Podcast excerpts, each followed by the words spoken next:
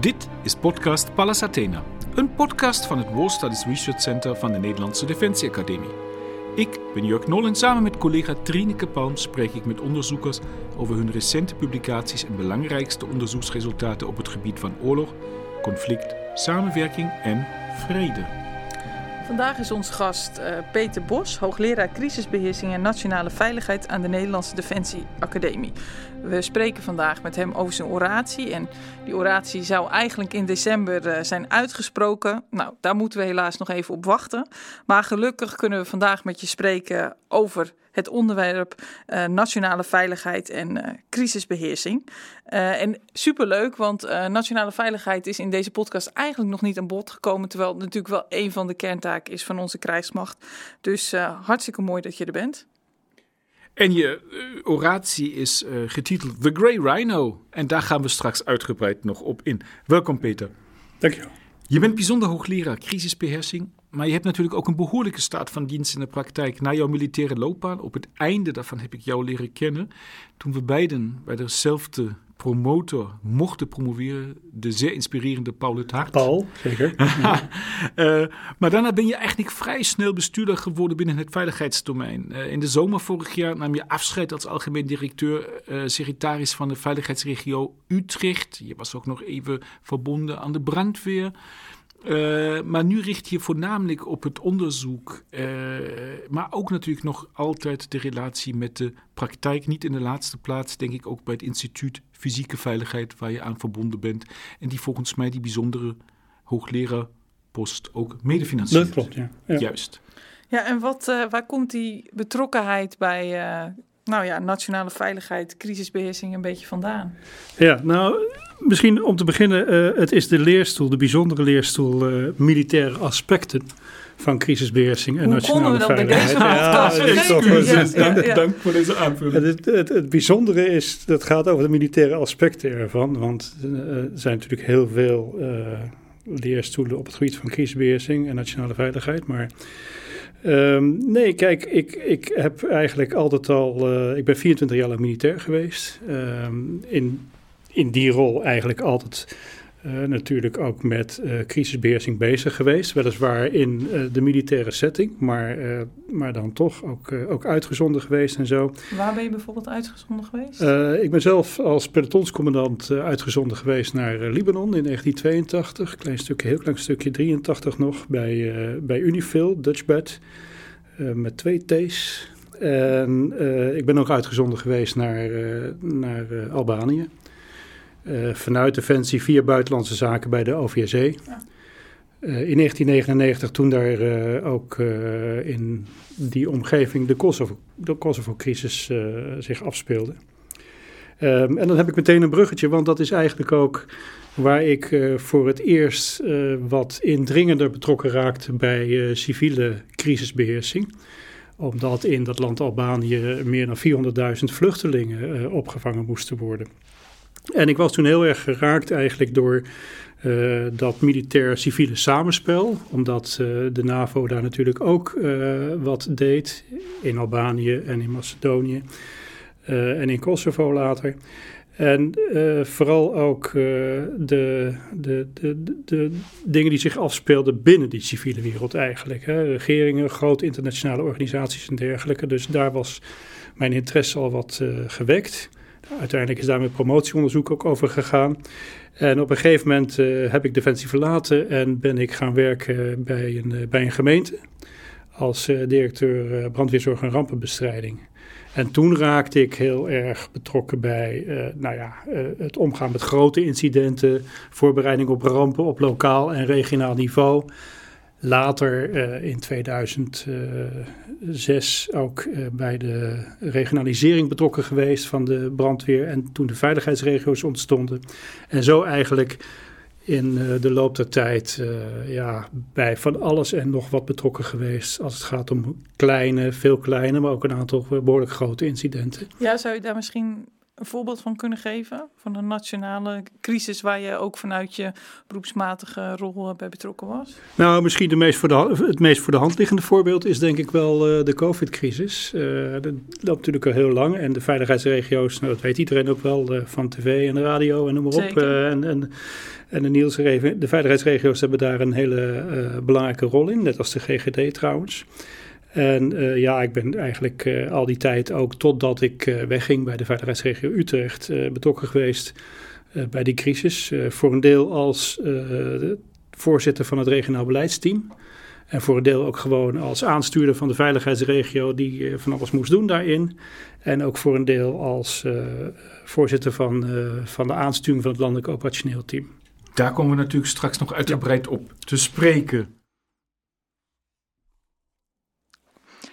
Ja, je oratie uh, is getiteld The Grey Rhino, uh, zoals Jurg net ook al zei. Uh, ja, ik moet eerlijk zeggen, Grey Rhino, waar moet ik dan aan denken? Aan een grijze neushoorn. ja, precies, de vertaling. Dat, dat, dat is een. Maar die had je natuurlijk ja, al. Ja, daarom, ik, zag, ik, ik, was op zoek naar de betekenis van de grijze neushoorn. Nou, het verhaal is eigenlijk als volgt. Uh, we kennen allemaal wel de zwarte zwaan. Ja. De Black Swan.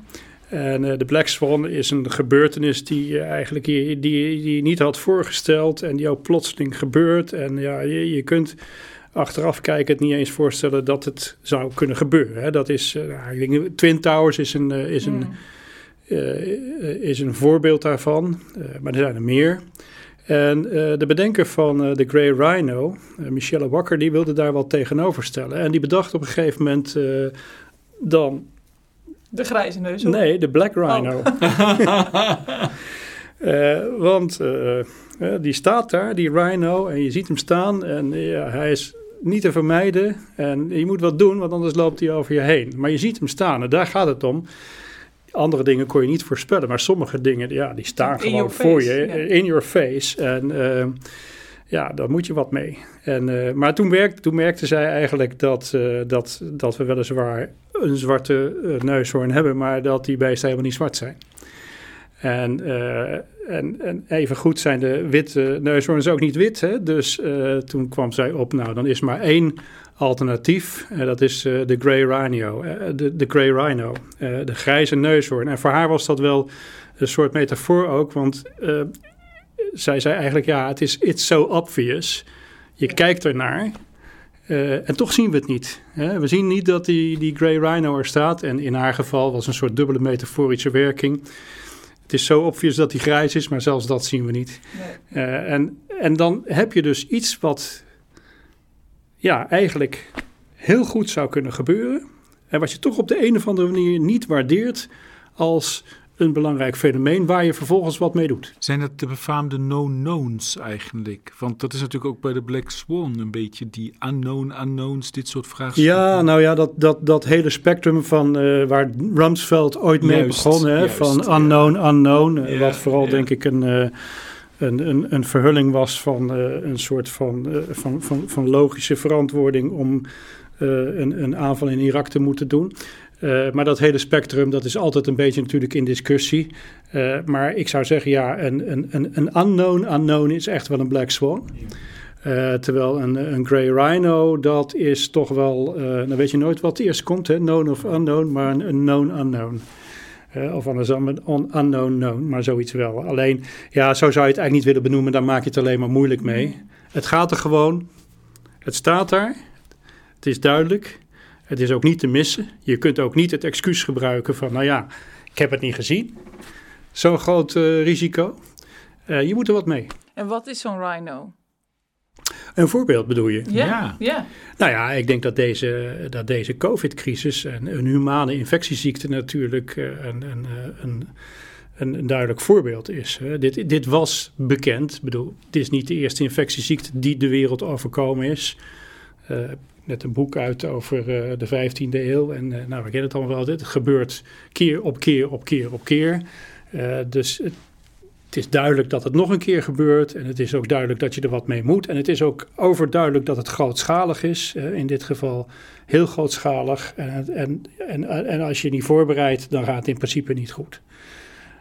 dus dit is, een, dit is een belangrijk voorbeeld. Maar je zou ook in de toekomst kunnen kijken Als jullie mij zouden vragen om jullie voor te zijn, van kun je er ook nog een bedenken voor de toekomst? Hè? Dan zou ik denken van nou, um, artificial intelligence. Huh? Leg uit. Uh, dat, dat, dat is in mijn ogen ook zo'n uh, zo'n grey rhino, want uh, ja, die artificial intelligence, dat kan tot allerlei, tot allerlei negatieve spin-offs kan dat leiden in de samenleving. Baanverlies bijvoorbeeld bij veel mensen, omdat ja, robots kunnen het overnemen. Baanverlies kan weer een soort van socio-economische ongelijkheid teweeg brengen in de wereld. Misschien ook een klassentweedeling en zo. Artificial intelligence kan ook leiden tot, uh, tot aantasting van uh, privacy. Uh, doordat het makkelijker is binnen te dringen. Artificial intelligence kan in potentie ook heel eenvoudig de hele wereld van deepfakes ja, verbeteren, zou je bijna zeggen. Maar het is eigenlijk verslechteren natuurlijk. Hè. Dus in mijn ogen is artificial intelligence, daar moet je dan ook wat mee, omdat de negatieve effecten daarvan zo overduidelijk zijn dat als je dat ontkent en aan de voorkant niet wilt beheersen, dan overkomt het je, terwijl het niet had gehoeven. Dat is eigenlijk waar het om gaat. Ja, precies, dat laatste. Het had niet gehoeven, nee. omdat je dit wel had kunnen voorzien. Omdat je het had kunnen, je, je kunt het voorzien en je kunt er ook wat aan doen. Je kunt het ook voorkomen, misschien ook niet helemaal voorkomen, maar dan kun je het misschien wel reguleren. Nou ja, en een van de grote spelers die dat zou kunnen voorkomen is in jouw ogen de overheid. En, en daar heb je, nou ja, dan moet zeggen, daar ben je toch een beetje kritisch over. Je zegt met name de overheid is enorm inert, dus een beetje traag, zeer traag soms. Waar komt die traagheid eh, vandaan? Waar, waar, waarom reageren regeringen, overheden niet op deze rhinos? Of is het een maatschappelijk probleem? Nou, het hangt op de eerste plaats een beetje af natuurlijk, of een beetje misschien wel in grote mate af van de, de overheid. Eh, over welke overheid heb je het? Eh, dat is ook een deel eh, van mijn oratie gaat. Ik kom zo op je punt. Maar deel van mijn oratie gaat gewoon ook over de vraag van, ja, als je het over veiligheden hebt, wat is dan het referent object mhm. van, van die veiligheid, hè, zoals het zo mooi heet? Is het dan alleen de staat? Dat is wel heel de klassieke benadering. Of moet je dat ook zien als staat en samenleving. Maar in die vraag ligt besloten over welke staat je het dan eigenlijk hebt. En, en wat, wat, wat ik ook betoog, ja, het maakt nog wel wat uit of je nationale veiligheid bijvoorbeeld begrijpt op een uh, Noord-Korea uh, of een land uh, als Nederland. Dat is verschillend. Maar bij gevolg zijn die overheden die reageren ook anders. Ja, en wij leven natuurlijk gewoon in een land en zo zijn er veel van dit soort landen waar de vraag hoe om te gaan met risico's ook in een gepolitiseerde en een politieke werkelijkheid uh, gesteld en behandeld moet worden.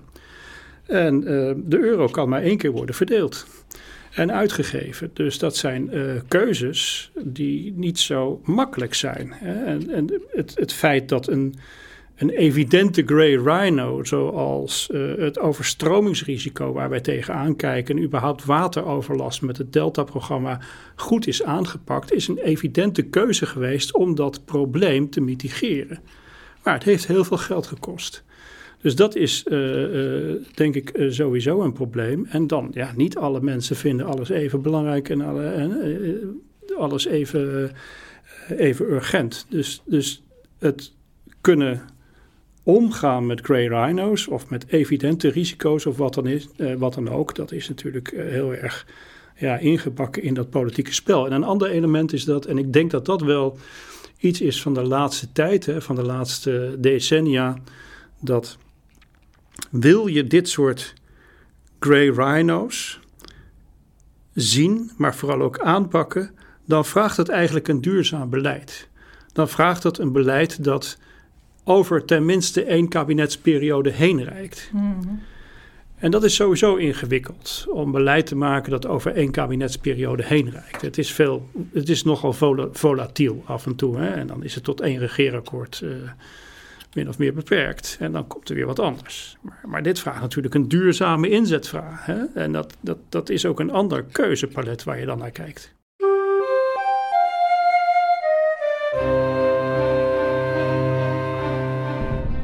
Ja, want je had het net over die, uh, die, uh, hoe je veiligheid definieert, nationale veiligheid. Uh, en dat je dat verschillend kan doen. En juist denk ik, als het om zo'n nationale veiligheidsstrategie, die heeft wel als doel om langer dan één kabinetsperiode mee te gaan. Toch? Dus hoe zie je dan hoe in Nederland de overheid dat doet of definieert? Ja, dat is een, dat is een goede vraag. Dat is een mooie vraag. Het is ook een actuele uh, vraag. Want uh, op dit moment uh, wordt er nagedacht over hoe je zo'n nationale veiligheidsstrategie goed werkend kunt krijgen. En is ook de vraag gesteld of je daar misschien. Ik kom zo even terug als het mag op wat dan zo'n nationale veiligheidsstrategie eigenlijk inhoudt.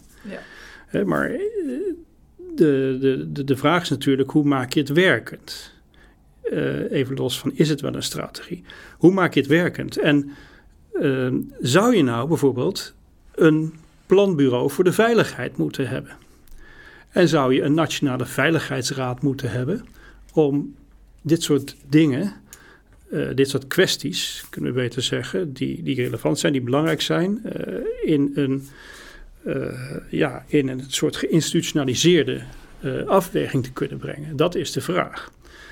Uh, nou, uh, het kabinet, het demissionaire kabinet, heeft gezegd van nou eigenlijk zien wij zo'n Nationale Veiligheidsraad wel zitten, maar zo'n planbureau voor de veiligheid niet. Want uh, wij vertrouwen eigenlijk, ik maak het nou even mm -hmm. heel kort en klein, wij vertrouwen eigenlijk op de netwerkstructuur die wij in Nederland hebben. En dan moet je goed begrijpen dat die netwerkstructuur is ook wel heel erg gehangen aan onze cultuur. We noemen dat een netwerkstructuur, anderen noemen dat een praatje pot.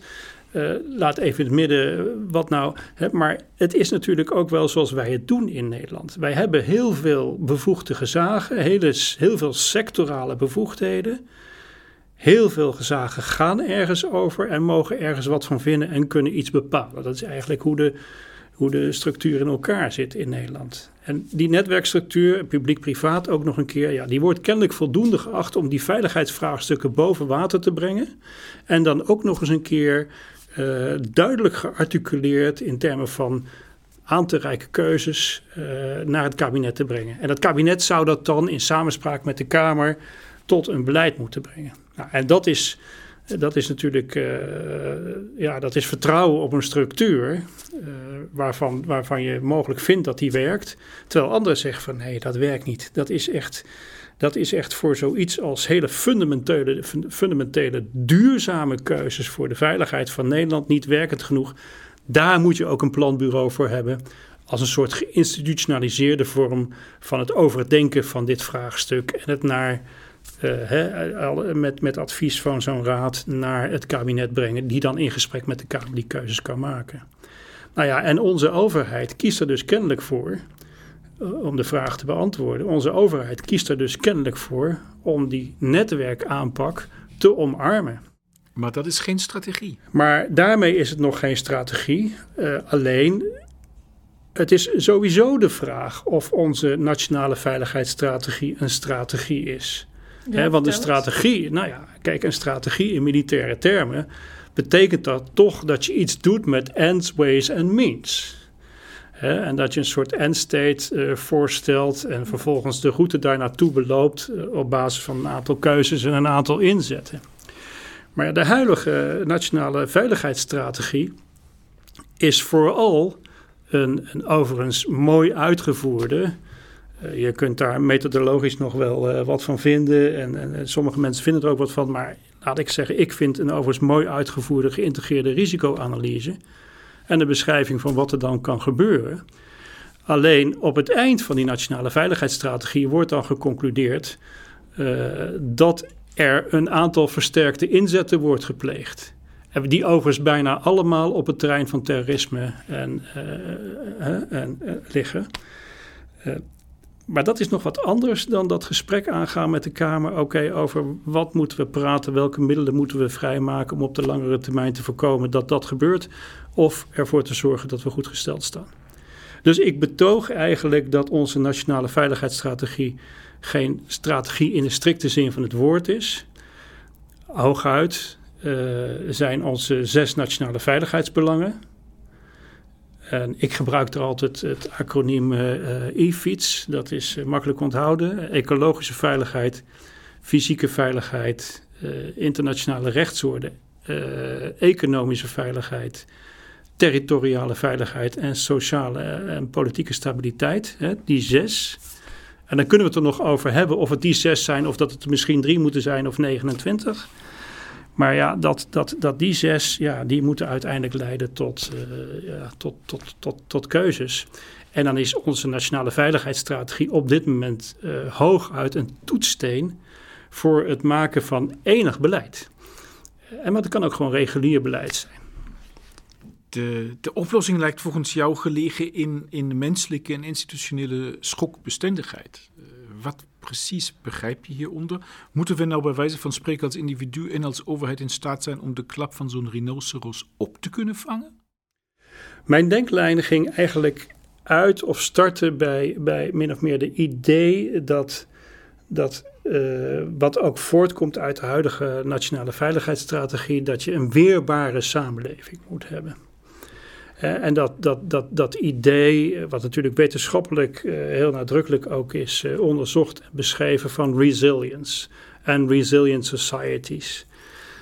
maar als je dat dan vindt, dan, dan loop je ook aan tegen de vraag van ja, waar heb je het dan over? Heb je het dan over institutionele schokbestendigheid van de staat en de instituties van de staat? Of heb je het ook over, als het referentobject ook is de samenleving, de schokbestendigheid van de samenleving?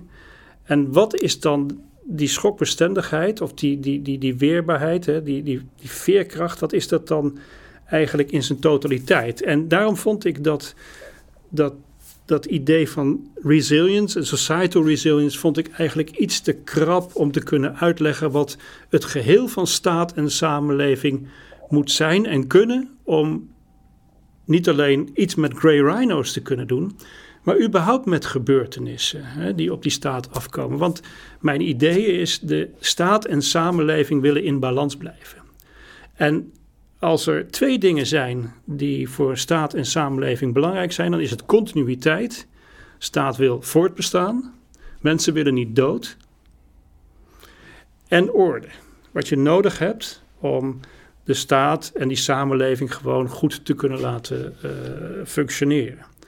Dus ik heb geprobeerd die, die, die twee elementen, orde en continuïteit, te koppelen aan het vermogen van de staat om te kunnen omgaan en van de samenleving om te kunnen omgaan met grey rhino's, uh, sudden disasters, uh, gebeurtenissen die op je afkomen, creeping uh, crisis, what, whatever, maakt niet uit. Maar, en dat heb ik geprobeerd te vangen in de term schokbestendigheid.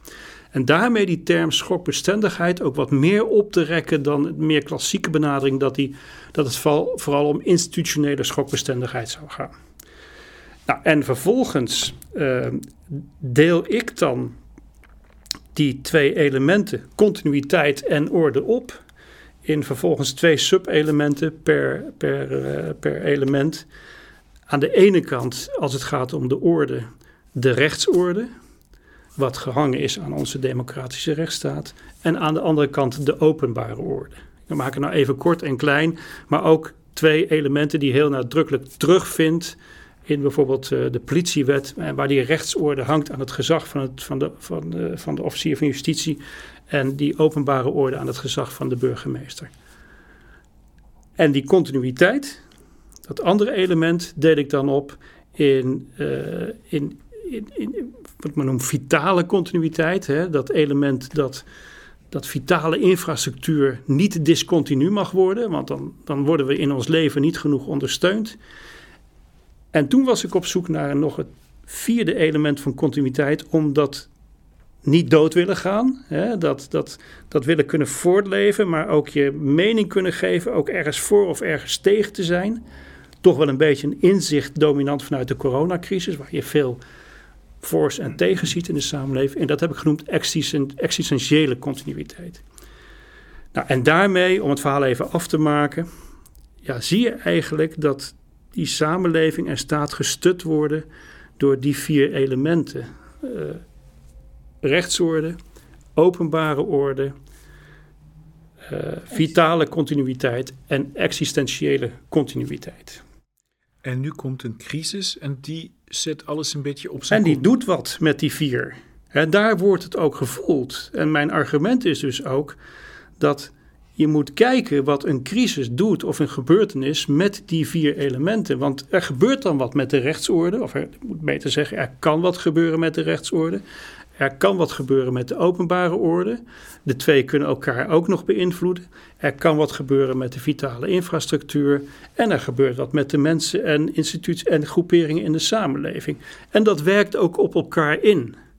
En mijn gedachte nu ook is systemisch dat als je je voorstelt wat er kan gebeuren op die vier dingen. En ik blijf even weg van de vraag of dit nou die vier juiste dingen zijn, maar ik heb dit zo, uh, zo, zo, zo in ieder geval beredeneerd. Ja, dan kun je daarop heel nadrukkelijk ook je voorbereiding en je maatregelen treffen. Ja, misschien is het handig om dit voorbeeld nog iets scherper te maken. Je noemt uh, over deze, dit onderscheid en hoe dat werkt, uh, iets scherper te maken aan de hand van de, van de COVID-crisis. Je hebt het al een paar keer genoemd.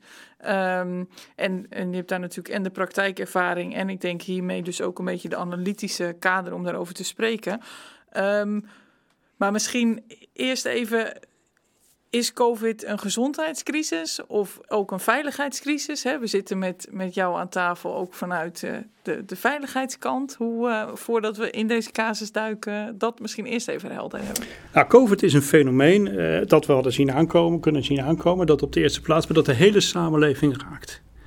En in potentie ook het voortbestaan van het, het goed kunnen functioneren van staat en samenleving raakt. En daarmee is het meer dan een gezondheidscrisis. Mm. Het is natuurlijk iets wat in de gezondheidssector begint. Ik heb vaak gezegd dat als dit iets was in het begin, en misschien nu nog wel steeds, hè, dan is het een gezondheidsschaarste crisis geweest. Want er worden veel mensen ziek en er zijn, uh, uh, en dat is erg genoeg, heel veel mensen overleden.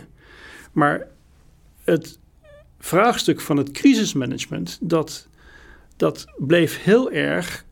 En nu nog wel rond de vraag: kunnen wij. Hebben we genoeg bedden? De zorg managen? Hebben we genoeg bedden?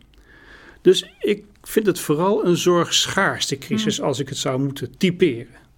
Plat gezegd, als je ervoor zou kunnen zorgen dat je meer capaciteit voor opvang van uh, voor coronapatiënten in ziekenhuizen zou hebben en je zou dat anders regelen of additioneel regelen, Stel dat je dat zou kunnen. Daar zijn discussies mm. over of dat nou wel of niet kan. Maar stel dat je dat zou kunnen, dan zou je die druk eraf kunnen halen. Dan zou je misschien zo'n zo'n crisis anders kunnen bekijken en anders kunnen managen. Nou, dat is dus nu eigenlijk niet zo. Dus we belasten dat zorgsysteem. En daarmee wordt het wel een, zorgcrisis, een, een, een, een zorg- en een gezondheidscrisis genoemd. Maar in feite is dit natuurlijk een, een, crisis, die, een crisis die de hele samenleving aangaat. En vooral veel, ik hoorde het net nog op de radio, uh, veel economische schade teweeg brengt. Los van, van, uh, van dat veel mensen hier enorm veel last van hebben. En het is, dat, dat is dus een veelheid van, van aspecten. En duidelijk ook een spin-off.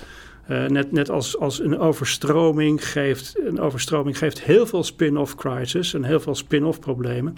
En dat is met deze crisis ook zo. Dus, nou, uh, een beetje een lang verhaal, maar het is duidelijk meer dan een, dan een gezondheidscrisis. En de vraag is dan ook, hoe pak je dat aan?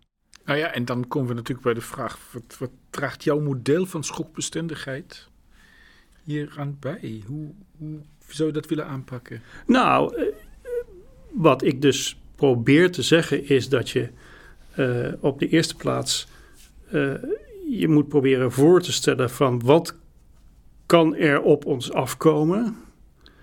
Ja, je had misschien al jaren geleden iets kunnen bedenken over je eigen voorraad van beschermende middelen. Of je had misschien al beleid kunnen maken of het in huis hebben of het in huis houden van van, uh, van capaciteit om uh, um, um, vaccins, vaccins en, en, medicijnen te maken. Hè, om, daar, om daar grip op te krijgen. Noem maar wat. Ik weet dat het allemaal niet zo makkelijk is en niet zo ingewikkeld, maar is het wel eens bedacht?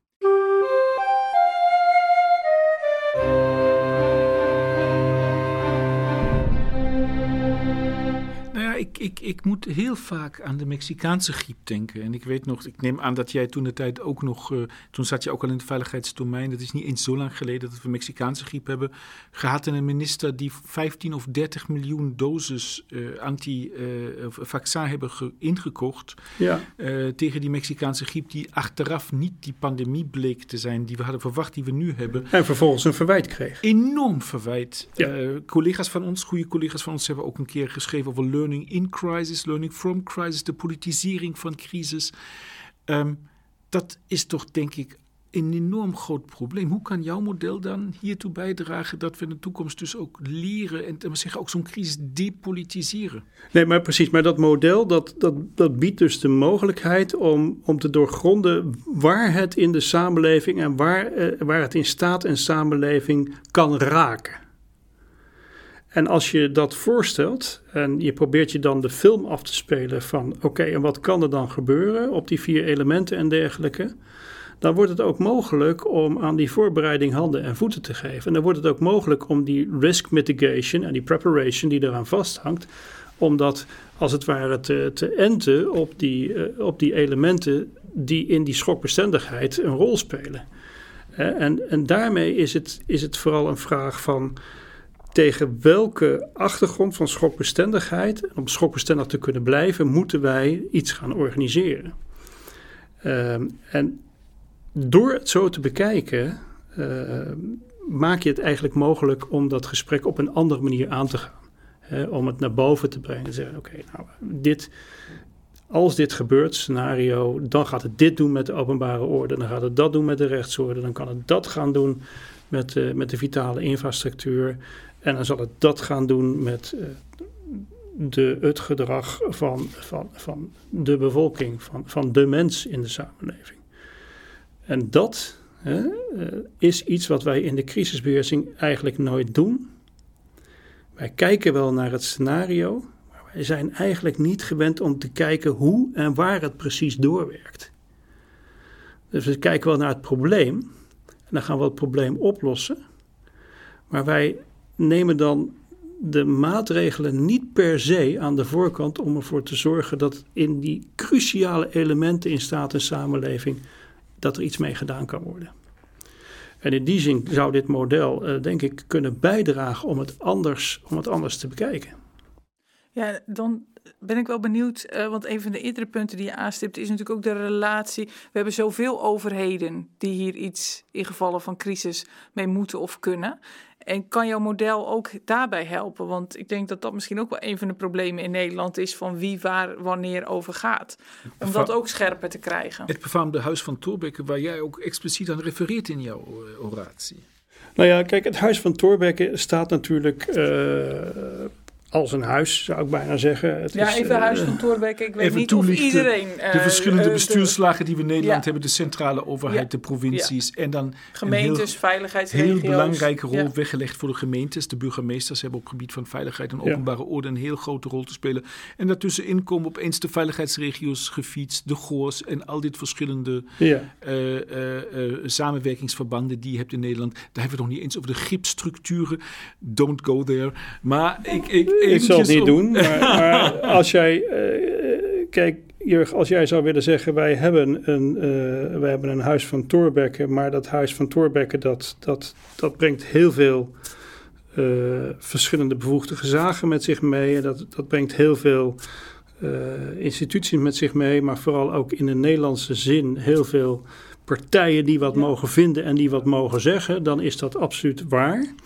En um, dat maakt het stelsel van crisisbeheersing uh, ingewikkeld. Het is ook in de praktijk, dat, zo heb ik dat ook ervaren, echt ingewikkeld. Er zijn heel veel partijen die wat mogen zeggen. En wij hebben niet echt een centrale aansturing. Dat is ook niet onze cultuur.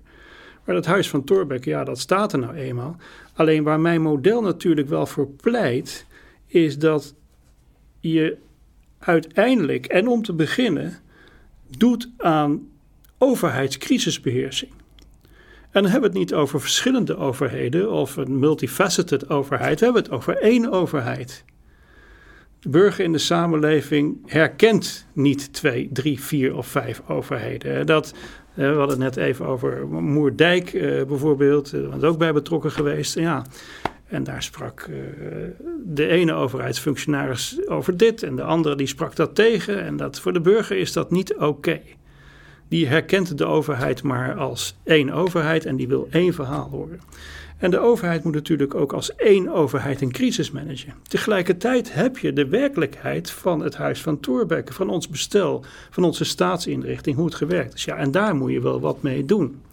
Nou, en het, het, het model helpt in die zin dat je kunt zien dat je het probleem wel als een één overheidsprobleem moet zien. En dat je het wel als één overheid moet aanpakken. Dat is een deel van hoe het model zou kunnen helpen. Ja, want ehm, eh, als ik jou nu zo hoor, dan, dan klinkt daar toch wel iets in door van uh, hè, het moet eigenlijk uh, wat centraler en duidelijke chain of command. Dus misschien ook wel een beetje wat meer vanuit de defensieorganisatie in de andere crisisbestrijding qua hoe je dat dan organiseert, hoe je met één stem spreekt. Um, en daar gaat jouw uh, leerstoel ook over de militaire aspecten, zoals je aan het begin uh, benadrukte al toen wij dat vergaten. kun je daar iets meer over zeggen? Van wat is nou de rol van de krijgsmacht in die nationale crisisbestrijding? En leidt het daadwerkelijk door tot een centralisatiereflex? Ja, sorry, ik stel twee vragen in één keer. Ja, ja, dat geeft niet. Je mag ook meerdere vragen in één keer stellen. kijk, ik pleit niet, misschien moet ik dat toch aan de voorkant even goed zeggen, ik pleit niet per se voor centralisatie. Uh, en ik vind ook niet dat uh, een militaire aanpak mm uh, per se een centralistische aanpak is. Hè. Dat, dus misschien moet ik dat aan de voorkant even, helder, heel even, goed, heel even, goed. even helder maken. en waar mijn leerstoel over gaat zijn de militaire aspecten van crisisbeheersing en nationale veiligheid tegen de achtergrond dat de krijgsmacht ik heb het altijd graag over de krijgsmacht en nooit over defensie, maar dat de krijgsmacht het zwaard, eh, een van de twee zwaardmachten in handen van de staat is. En, die, en de krijgsmacht is ervoor bedoeld om alle vitale belangen, niet alle belangen van de staat, maar wel alle mhm. vitale belangen van de staat te beschermen. En de territoriale veiligheid dringt zich dan natuurlijk het meest op de voorgrond. En wat ik mij in mijn leerstoel afvraag is hoe de krijgsmacht ten gunste van al die vitale belangen expeditionair of thuis kan worden ingezet. En dat is niet per se een, uh, zo hoor ik je dat ook niet zeggen hoor Trineke, maar, maar uh, om, dat, om de verwarring te voorkomen, dat we het als het ware verengen tot een centralistische militaire Ja, er hebben uh, twee aanpak. dingen samengebracht die niet samen op moeten voegen. Nee, nee. Maar daarom nee. hebben we natuurlijk ook onze gasten die ons dan weer Eventjes bij de les houden. Juist, ja, ja. verheven. ja, nou, maar, maar de, dus een centrale aanpak is natuurlijk het, het, woord is makkelijk gesproken, maar de werkelijkheid is dat wij dat huis van Thorbecke hebben. En de werkelijkheid is dat wij natuurlijk in een democratische rechtsstaat leven. En in een democratische rechtsstaat moet de democratie ook kunnen functioneren. Dus zo'n centrale aanpak kan wel instrumenteel heel goed zijn en goed doordacht, maar je mag die democratie niet verliezen. Mm. En je mag letterlijk de, de, de burger, de medemens in de, staat mag, in de straat mag je niet verliezen dat is ook, en, en dat heeft ook zijn werking. Dat moet, dat, moet ook, dat moet ook zo kunnen gaan. Wanneer is het nou zo urgent, zo nijpend, zo spannend dat je moet zeggen: wij gaan dat gesprek met de, het, het, het, het decentrale, het lokale gezag niet meer aan. Wij kappen eigenlijk dat gesprek met, met, met de burger af, die zich laat vertegenwoordigen door de gemeenteraad. Want dat is natuurlijk de ultieme vorm van centrale aansturing. Dat willen wij natuurlijk niet. Dat doen ze wel in Noord-Korea, maar dat willen wij niet in Nederland. En dat gaan wij ook niet toestaan. Dus ik vind dat we altijd wel moeten oppassen door te zeggen van ja, het moet centralistisch mm aangepakt. Een andere vraag is of we nou slagvaardig genoeg zijn. Ja. Want daar doe, daar doe je natuurlijk op. Hè. Je kunt het een doen zonder het ander als het ware uh, op de achtergrond te duwen. En die slagvaardigheid, dat, dat, dat is wel een vraag. Kun je zonder die democratie uh, in de wielen te rijden en zonder die verbinding met de burger in de wielen te rijden, toch slagvaardiger worden in Nederland? En dat denk ik wel, eerlijk gezegd. Hè? Want in mijn ogen, nogmaals, ik kijk er nou echt al een jaar of twintig tegenaan. In mijn ogen uh, is het ook wel heel erg een manier van crisisbeheersing die we kunnen klassificeren als een dagdagelijkse voortzetting van de bureaucratische werkstructuur waar we mee aan de, aan, aan, de slag zijn in Nederland. Dus het vermogen om iets te herkennen als urgent, belangrijk, onmiddellijk interveneren of in ieder geval hè, uh, onmiddellijk behandelen als een crisis. Ernst Breinig zegt, een crisis is, is geen crisis, maar omdat je het besluit te behandelen als een crisis. Wat is dan dat behandelen? En wat vraagt het dan in termen van slagvaardigheid? Moet je dan anders organiseren? Moet je dan andere maatregelen treffen, bijvoorbeeld een avondklok of uh, een, uh, een, een, verbod of een gebod, noem maar op. Maar je, je moet het gaan behandelen als een crisis. En wat vraagt het dan van overheden, centraal of decentraal, om uit de groef van het dagelijks functioneren en daarmee ook het dagelijks bureaucratisch functioneren te komen. Omdat het bijzonder is. En daarmee wil ik niet zeggen dat het bureaucratisch functioneren slecht is, want ja, Roosentaal zei ooit eens een keer: als er geen bureaucratieën zouden zijn, dan zouden we waarschijnlijk geen AOW uit kunnen keren en zo en noem maar op. Even los van, uh, van hoe het gegaan is uh, met de kinderopvangtoeslagaffaire. Uh, maar daar gaat het mij om. Het gaat mij erom dat een ander woord voor centralistische sturing is een bijzondere aanpak, een andere vorm van handelen, gerechtvaardigd door de urgentie van de kwestie, om ervoor te zorgen dat we adequaat kunnen optreden voor iets wat we willen voorkomen of willen terugbrengen naar een continue situatie.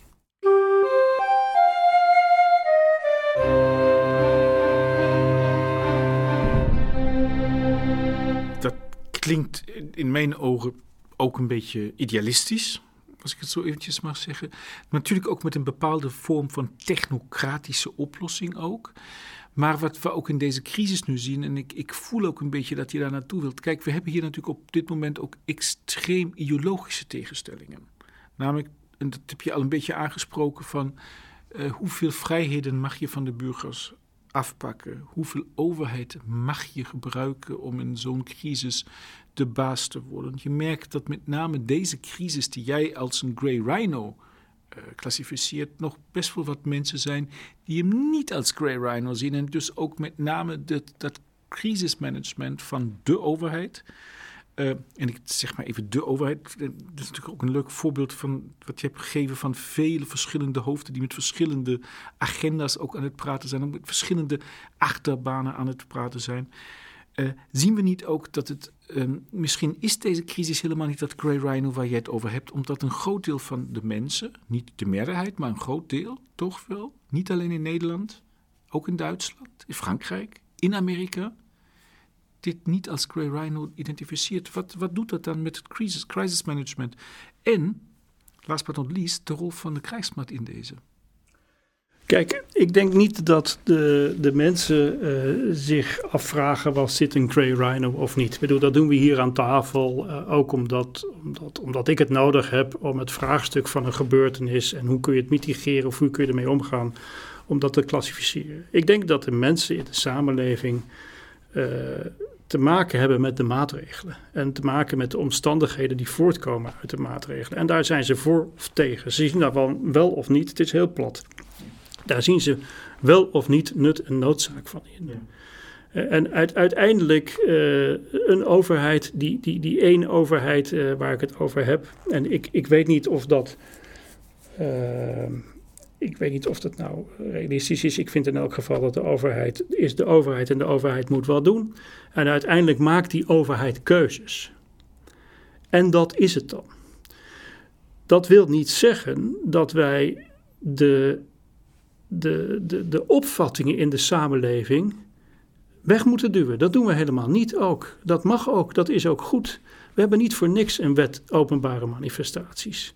Het is een groot goed, een grondrecht notabene, om, een om te demonstreren, om te zeggen wat je vindt. Hè? En, en pas wanneer zich dat buiten de toegestane uh, vrijheden per vergunning, uh, uh, als het ware wanneer het zich dat uit in, in oproer en rellen, of misschien in het meest erge geval nog wel een burgeroorlog, ja, dan wordt het pas problematisch. Dus ik geloof helemaal niet dat er uh, in zo'n aanpak, zo'n centrale aanpak, uh, iets moet zitten van het wegduwen van de opvattingen die in de samenleving er zijn. Sterker nog, laat het maar komen.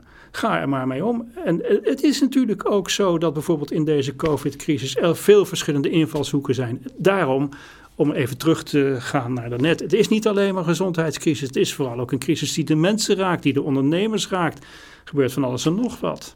En dat moet je eigenlijk allemaal bij elkaar nemen en, en een kans geven. Dus ik weet niet of ik jouw vraag daar uh, goed mee beantwoord, maar ik zou, ik zou het niet zien als een, uh, als een one-issue uh, thing.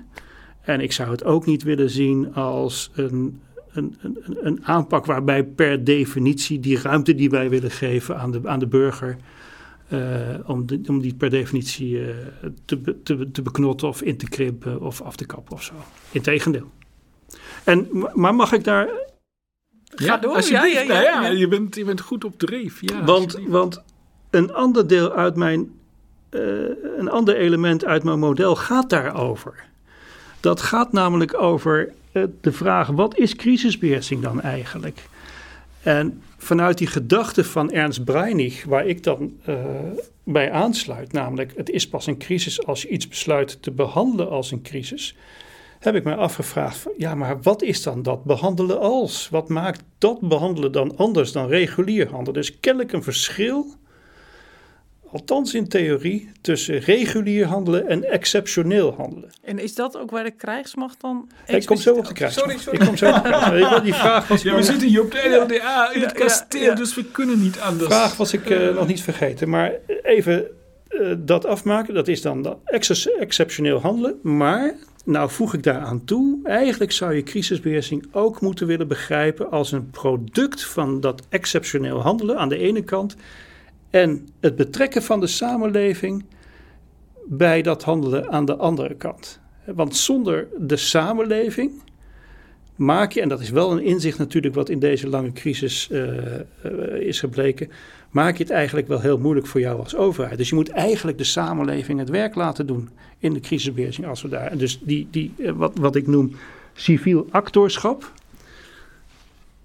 naast dat exceptioneel handelen en het product tussen civiel actor, van civiel actorschap en exceptioneel handelen, dat is in mijn ogen eigenlijk wat crisisbeheersing is in de praktijk en waar je het, het beste resultaat mee kunt bereiken. Want wat is dat civiel actorschap dan? Dat, dat de, niet alleen uh, in de enge zin dat de burger en de samenleving veerkrachtig is, maar dat de samenleving ook helpt.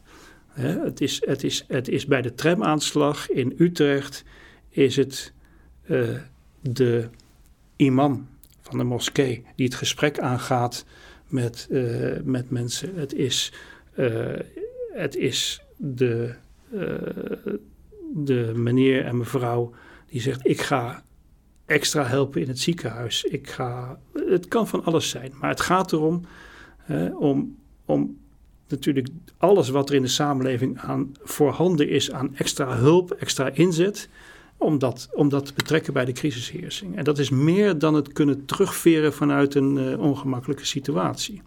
En nou de krijgsmacht, want daar vroeg je naar. Ja. ja, kijk, de krijgsmacht is er voor al die belangen in de samenleving. En de krijgsmacht kan daarin steunen. En dan is het altijd even de vraag: moet de krijgsmacht dat doen? En in welke vorm en in welke mate moet de krijgsmacht dat doen? Nou, en dan kom je op het terrein van bijstand, of je komt op het terrein van steunverlening.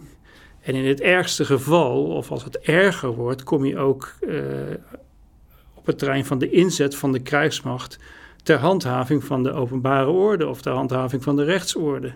En dat is dus allemaal mogelijk. En mijn punt is dat de krijgsmacht kan worden ingezet bij de handhaving van de rechtsorde, kan worden ingezet bij de handhaving van de openbare orde, kan worden ingezet bij de, uh, het continu houden van de vitale infrastructuur. Het zijn allemaal mogelijkheden. En ja, daar is de krijgsmacht ook voor, tot op zekere hoogte. Is dat, ja? Alleen de krijgsmacht moet natuurlijk keuzes maken. Want de krijgsmacht is het zwaardmacht, is de zwaardmacht in handen van de staat. Ja, en, en, en, en, er is natuurlijk hier wat te doen. Maar ook de krijgsmacht kan de middelen maar één keer inzetten en moet dingen paraat houden en inzetbaar houden voor, nou, voor andere scenario's natuurlijk. En is dit een beetje de kern van jouw leerstoel? En zo ja, hoe wil je dit de komende jaren vorm gaan geven? Uh, met name natuurlijk niet alleen aan onze kadetten, maar we zijn natuurlijk ook betrokken bij de hoge defensievorming, topdefensievorming, dit soort uh, opleidingen. Ja, nou maak ik even dan een, een, een, een korte verbinding met waar ik dan met name in geïnteresseerd ben. En dat is dat keuzepalet dat als je het hebt over de krijgsmacht, dat keuzepalet dat moet, moet worden gemaakt tussen hoe zien we nou die krijgsmacht als zwaardmacht van Nederland? Het is niet alleen van Nederland, hè? het is de zwaardmacht van het Koninkrijk. Uh, acteren. En welke keuzes kunnen we dan maken? En de notie dat het alleen maar expeditionair zou moeten zijn, dat het alleen maar om missies zou gaan, of alleen maar optredend tegen de achtergrond van, uh, van, van, van, van EU-verdragen en vooral het NAVO-verdrag is wat mij betreft eh, op zich is dat een relevante beschouwing, maar dat alleen maar, daar, daar wil ik dan wel graag de aandacht voor vragen. Te zeggen nee, er is ook een nationale component waar de krijgsmacht uh, een relevante zwaardmachtfunctie uitoefent. En dat is veel meer en van veel meer betekenis dan de enkelvoudige steunaanvraag, wat vaak, uh, wat vaak voor, de, voor de ogen van, van sommige mensen staat. Uh, een rare combinatie, wat vaak voor de ogen van sommige mensen staat. Waar mensen, soms alleen, maar, waar mensen soms alleen maar aan denken. Ja. Uh, en, en de krijgsmacht heeft natuurlijk als zwaardmacht ook veel te doen in Nederland. Op dit grondgebied. Ja, je hoort nu bijvoorbeeld, oh, ik moet bij het voorbeeld wat je eerder noemde, of, uh, met die rechtsorde, hè, dat nu defensie wordt ingezet bij, bij bepaalde rechtszaken als bescherming Marengo-proces, uh, ja, ja, ja, maar je ziet natuurlijk ook uh, in, in, in, bij de rellen in Bos en Eindhoven dat we daar, ja, daar, daar, daar, daar wordt de Marge ingezet. Hè? En dan, ik, uh, jij hebt het over defensie, maar ik heb het dan graag over de krijgsmacht. Ja, die wordt daar gaat het dus alweer mis. Ja, ja, ja. Maar ja, dat, dat, ik, vind het een, ik vind het een belangrijk verschil. Um, maar... Want je zou zeggen, de marechaussee is onderdeel van de krijgsmacht, maar niet van defensie. Of andersom. Nee, nee, nee, nee, nee, nee, dan gaan we de verkeerde kant op. Uh, de, nou, dan, dan is het goed dat je het even uitlegt, want zo zie je al dat ik de verkeerde route op de krijgsmacht, de krijgsmacht heeft vier krijgsmachtdelen ja, en, daar is, en daar is de, de Koninklijke Marechaussee ja, ja, uh, van. er van. Hans Leijten wel heel erg ja. teleurgesteld in ons. Ja. En ik denk dat hij terecht protest zou maken, eerlijk gezegd. Uh, als dat zou. Nee, daar, daar is uh, de Koninklijke Marechaussee een, een, een, een, is een van de vier krijgsmachtdelen. Uh, en defensie is vooral ofwel uh, de, de, de, politieke appreciatie, het departement, ja, uh, het precies. beleidsvraagstuk, ja. te midden van andere beleidsvraagstukken. Ja. Of de meer populaire duiding van, net zoals het leger. Tegenwoordig, als je, als je, naar, als je naar, de, naar de NOS luistert, dan wordt er nooit gezegd: defensie wordt ingezet, altijd het leger wordt ingezet vind ik ook niks. De krijgsmacht wordt ingezet. Mag ik wel erbij zeggen dat ook wij defensie zijn, Trineke? Ja, dat, uh, ja, ja, dat... Okay. maar niet de krijgsmacht. Juist. Top. Ja, precies. Maar de krijgsmacht, om het even ja. uh, af te maken, de krijgsmacht kan dus uh, op, op, die, op die vier gebieden worden ingezet. En, en dat is dat is wel een notie die, die in mijn ogen belangrijk is, omdat het, omdat het ons verder voert dan uh, steunverlening of uh, pons-ponsgewijs bijstand leveren aan het civiele gezag. En die notie probeer ik met die leerstoel ook wel uh, over het voetlicht te brengen. Want er gebeurt veel in Nederland en er kan veel gebeuren. En vergis je niet, we hebben het nu over deze COVID-crisis. Maar in ditzelfde model passen andere gebeurtenissen. Als er ergens een, een, een militaire inzet is en, en, en, en er moet vanwege de NAVO wat gebeuren, dan is Nederland wel een heel belangrijk land voor de NAVO. Met een enorme hubfunctie. Sowieso heeft Nederland een enorme hubfunctie. Je moet het in nette Engels uitspreken. En, en in Nederland is een land waar veel gebeurt als het gaat om uh, data, cyber, ruimte, uh, uh, aanlanding van, van, van, van nou, ofwel, ofwel cyberverkeer ofwel materieel verkeer, al dan niet vanwege het bondgenootschap. En daar ligt wel een hele belangrijke taak voor de krijgsmacht. Dus de focus op dat nationale uh, is wat mij betreft wel een doelstelling binnen die leerstoel. En daarin ligt besloten die samenwerking met die civiele gemeenschap natuurlijk. Uh, en dat maakt de militaire aspecten van crisisbeheersing en, en, uh, en nationale veiligheid vooral een samenwerkingsvraag van die zwaardmacht. In het uiterste geval, hè, want de krijgsmacht hoeft niet altijd in dat, in dat zwaardmachtvertoon op te treden en de civiele uh, crisisbeheersingsmaatschappij. Dit was Pallas Athena, de krijgswetenschapspodcast van het War Studies Research Center van de Nederlandse Defensieacademie. We spraken met Peter Bos over zijn oratie, die helaas nog niet gehouden is, maar die zeker ook een breed publiek verdient. Vandaar uh, zijn we heel blij dat jij vandaag te gast was om met ons te praten over de Grey Rhino.